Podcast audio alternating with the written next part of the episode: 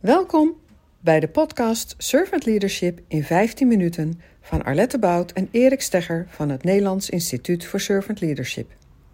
Vanuit het Nederlands Instituut voor Servant Leadership begeleiden wij individuele leidinggevenden, professionals en teams met het integreren van dienend leiderschap in hun werk. Dat doen we door middel van coaching, maar ook door middel van opleidingen zoals de 10-daagse Servant Leadership Practitioner. Een leergang waarbij je zelf aan het werk gaat met alle tiende competenties van dienend leiderschap. Je krijgt oefeningen en opdrachten mee die je direct één op één kunt gebruiken voor je eigen team om ze te helpen met dienend leiderschap en persoonlijk leiderschap. Wil je meer weten? Neem dan contact op via info.nivsl.nl. In deze podcast behandelen we allerlei onderwerpen die te maken hebben met dienend leiderschap. We wensen je ontzettend veel luisterplezier en inspiratie met deze aflevering. Het onderwerp van vandaag is intimiteit en leiderschap. En dan zul je misschien denken, wat hebben die twee nou in vredesnaam met elkaar te maken? Nou, dat gaan Erik en ik vandaag in deze podcast eens uitdiepen en eens afbellen. Dus leiderschap en intimiteit.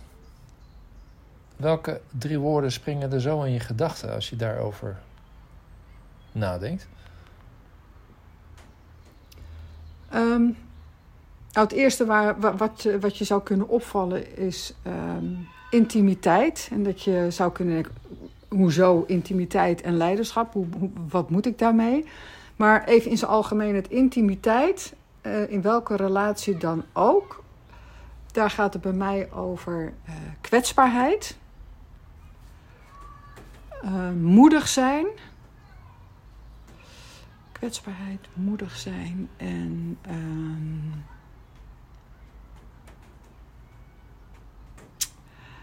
ja, een vorm van aanraking. Aanraken? Ja. Is er een verschil met raken of aanraken? In de context van intimiteit? Oh ja, zeker. Welk verschil ja. merk je dan? Maar dat zegt misschien iets over mij. Hè? Dus uh, hoe ik, uh, als het gaat over intimiteit, dan, is het, dan laat je jezelf zien. Dan heb je de moed om uit te spreken eigenlijk wat er van binnen in je omgaat. Hmm. En, als de, um, en daarmee kun je een ander raken. Ja, ik weet niet of ik dat zo moet noemen. Maar raken eigenlijk, bij mij gaat het over. Um, dat heeft bij mij een beetje een, een, een, een, ja, een negatieve klank. Dat is misschien heel zwaar. Maar als je geraakt wordt, dan, dan voel je dat. Dat kun je fysiek voelen. Uh, van binnenuit fysiek voelen. Is dat wat gepaard gaat met emotie of zo? Of, of hoe zie je dat? Ja, emotie, maar ook Um, ja, hoe zal ik dat nou zeggen? Dit is duidelijk niet gescript, hè? dat horen jullie wel. Um, geraakt worden is een emotie inderdaad. En als het gaat over intimiteit en raken, dan kan het soort van gaan schuren. En schuren is nooit zo fijn. De schuren grenst een beetje aan pijn. Dus als het gaat over dat je iemand raakt, of dat je geraakt wordt, dan doet het een beetje zeer. Hmm. En dan aanraken? En aanraken voelt zachter. Hmm. Dat is heel lichtjes, zeg maar, contact zoeken. Maar dan roept dat bij mij een beetje de associatie met oppervlakkigheid. Ja, dat zou kunnen. Um... Dus de intimiteit gaat toch veel verder dan de oppervlakkigheid. Ja. Dan aanraken. Ja, en ik denk dat we daarin uh, verleerd zijn hoe intimiteit eigenlijk van waarde kan zijn. En dat we daar misschien heel voorzichtig zijn of wegblijven van het, het aanraken en het misschien dus ook wel raken. Hmm. En vrijheid? Vrijheid. Wat, wat, wat, wat, heeft dat ermee te maken met intimiteit? Nou, die heeft heel erg met elkaar te maken. Um, ik denk dat als je je vrij voelt en je niet laat beïnvloeden door wat men of een ander van je denkt of vindt, of hoe die op jou zou kunnen reageren, dan. En je voelt je dus vrij, dan laat je jezelf makkelijker zien. Hmm. Dan open je jezelf, de binnenkant van jou, wat er in het binnenste in je omgaat, naar de ander toe, zodat die ander jou kan zien. En zien als in: eh, dit ben ik, dit raakt mij of dit ben ik, hier verlang ik naar, want verlangen hoort er ook heel erg bij. Zonder dat je de angst hebt voor afwijzing. Hmm. Ja. En dan komt ook het woord eh, kwetsbaarheid weer terug. Ja. Dus wat is dan de betekenis van kwetsbaarheid in termen van ehm, intimiteit? Nou, kijk, op het moment dat jij in contact staat, in verbinding staat met je diepste verlangen en je behoefte daaraan, of daarbij, en je zou dat uitspreken naar die ander, dan ben je best wel kwetsbaar. Hmm. Want je laat een heel zacht, heel intiem deel van jezelf zien. Je hart, je ziel open je. En het is altijd maar de vraag of en hoeverre die ander daarmee kan omgaan. Waar die zelf, hij of zij zelf vandaan komt en hoe ver die in die ontwikkeling is om dat te ontvangen. Mhm. Ja, daar hebben wij wel eens de nodige gesprekken over. Ik zie ook wel dat het je raakt. Dat is ook een mooi. Zo ben jij. Maar ik weet wel dat de gesprekken die wij hebben, als het echt gaat over zaken die schuren, dan, eh, dan merk ik gewoon dat ik. eh, het is geen jaloezie, maar het is, het is meer zoiets van: oh, ik zou willen dat ik dat ook zou kunnen, zo, zo ehm, me zo openstellen in een gesprek. eh, Waar dus dan echt die intimiteit ook wel over gaat. En ik hoorde jou iets noemen over verticale en horizontale eh, intimiteit. Ehm, kun je daar iets over vertellen? Ja, daar hadden we het bij de voorbereiding even over. Van waar, waar zit het hem nou in? En waar Mhm. komt leiderschap dan om de hoek kijken? Kijk, horizontale intimiteit. ehm, het woord zegt dat al, horizontaal is gelijke hoogte. Hm.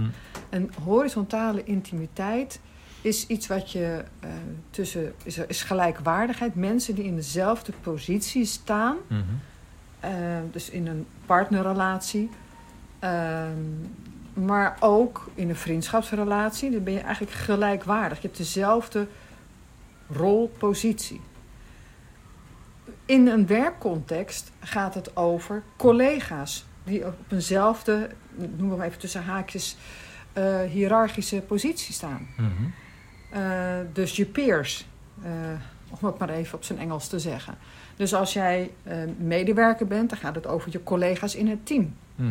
Als jij leidinggevende bent, dan gaat het over de collega-leidinggevende in dat team. Mhm. In een groter, in een managementteam of in een directieteam. Dus het dezelfde horizontale laag. Verticale intimiteit, dat woord zegt het ook al, dan is er een hoog en een laag. Mhm. Dus dan is er een soort nou, afhankelijkheidsrelatie. Het klinkt misschien wat groot of wat verwarrend, maar dan gaat het over een relatie. Nou, de makkelijkste is natuurlijk de ouder-kind Mhm. relatie. Dat is echt een verticale relatie. Je hebt een ouder die hoort te geven. Je hebt een kind vanuit het systemisch werk die hoort te nemen. Mhm.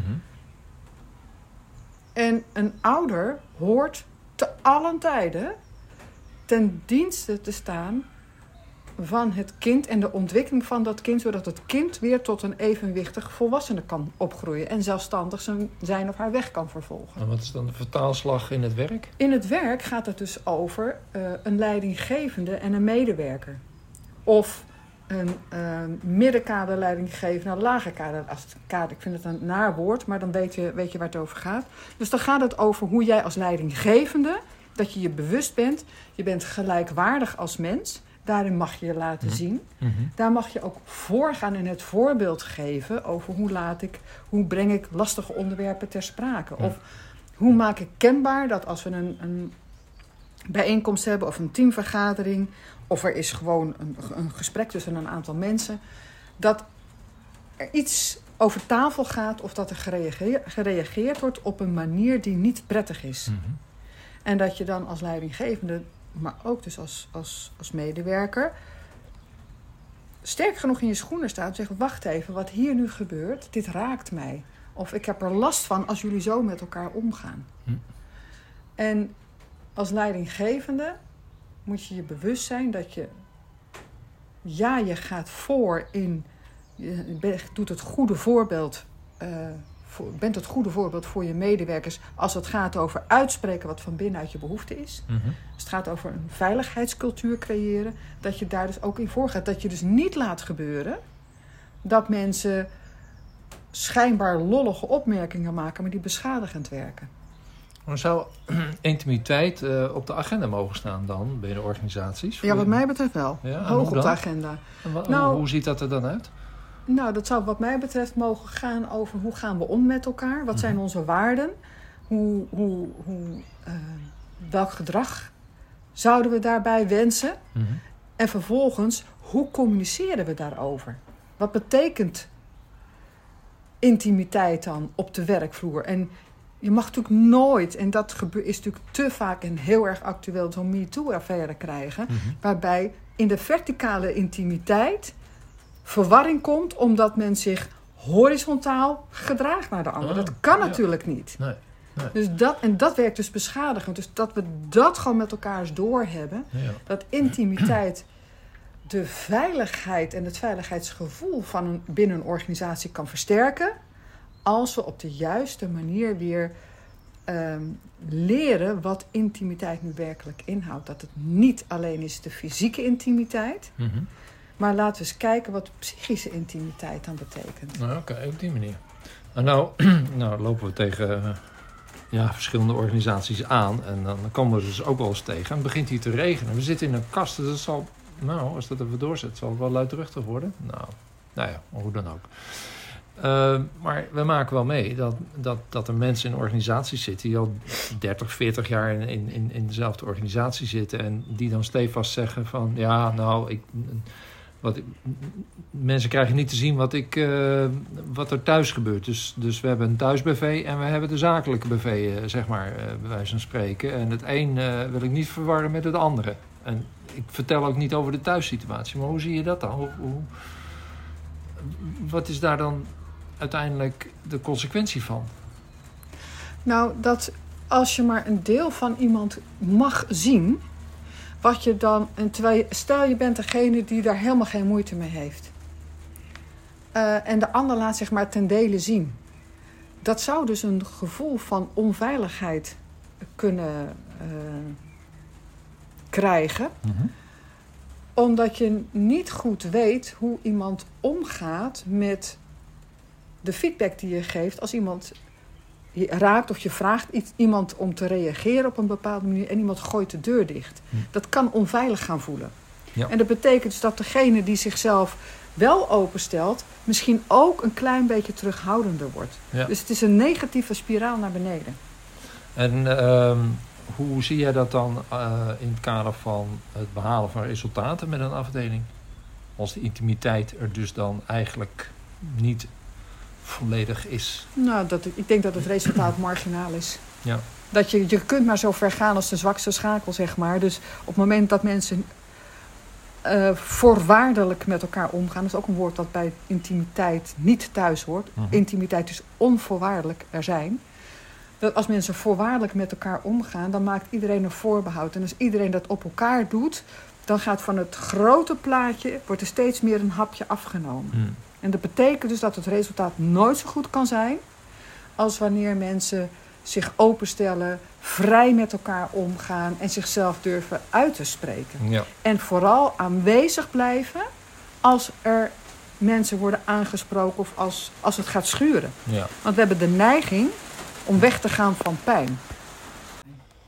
We hebben de opname heel even onderbroken vanwege een, een fikse regenbui. Het is nu weer wat stiller. Ja, dat heb je als we in de kast opnemen. Het zit hier lekker, maar ja. Ehm, weg te gaan van pijn. Ik vroeg me af, Alet, we hebben natuurlijk in onze gesprekken... eh, en we zoeken die schuring natuurlijk ook wel eens op...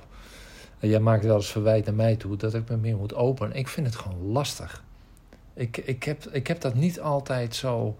Soms lukt het me heel goed om gewoon lekker vanuit mijn gevoel, of nou lekker, uh, om, om met mijn gevoel erbij te blijven. Maar wat is nou, wat zijn nou voorwaarden voor jou om die intimiteit eigenlijk uh, te kunnen uh, laten zien? Wat is daar nou bij nodig? Nou, het is grappig. Het, ik bleef haken toen jij zei van... jij maakt mij wel eens het verwijt. En dat is, dat is grappig, want het is maar net hoe je het opvat. Ik vraag intimiteit. Mm -hmm. Ik vraag om uh, jezelf te laten zien. Wat gaat nou in die binnenwereld van je om?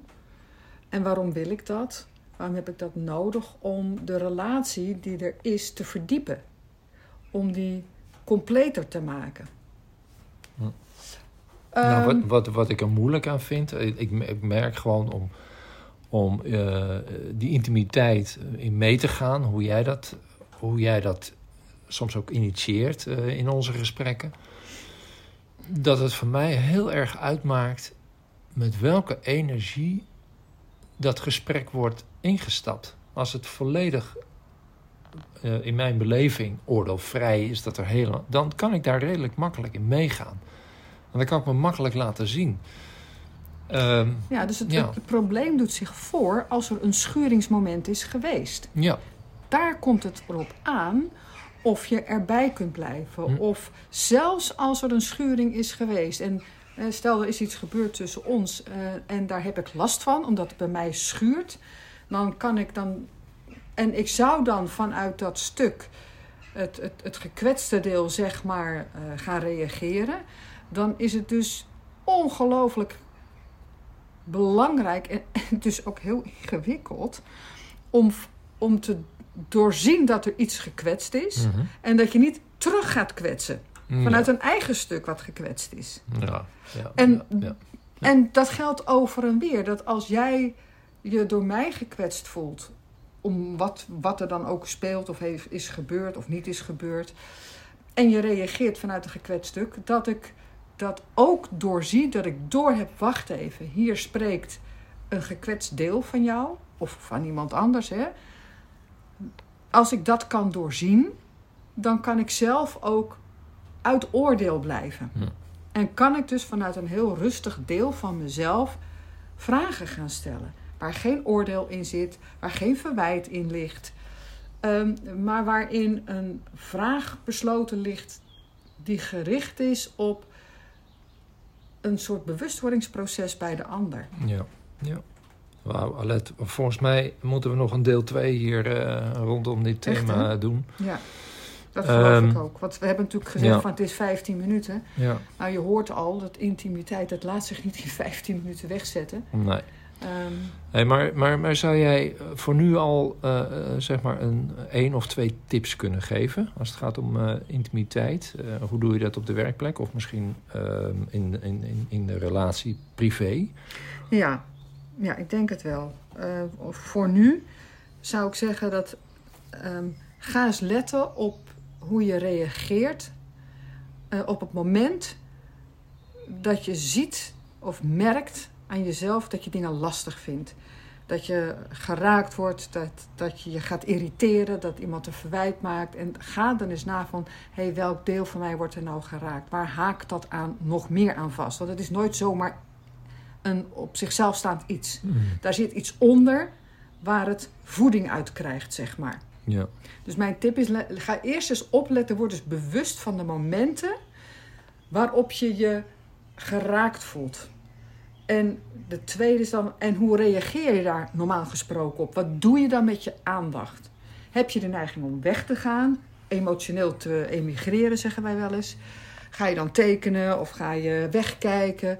Of kun je aanwezig blijven? En aanwezig blijven is eigenlijk het ongemak van dat moment verduren door rustig te blijven ademen. Mm.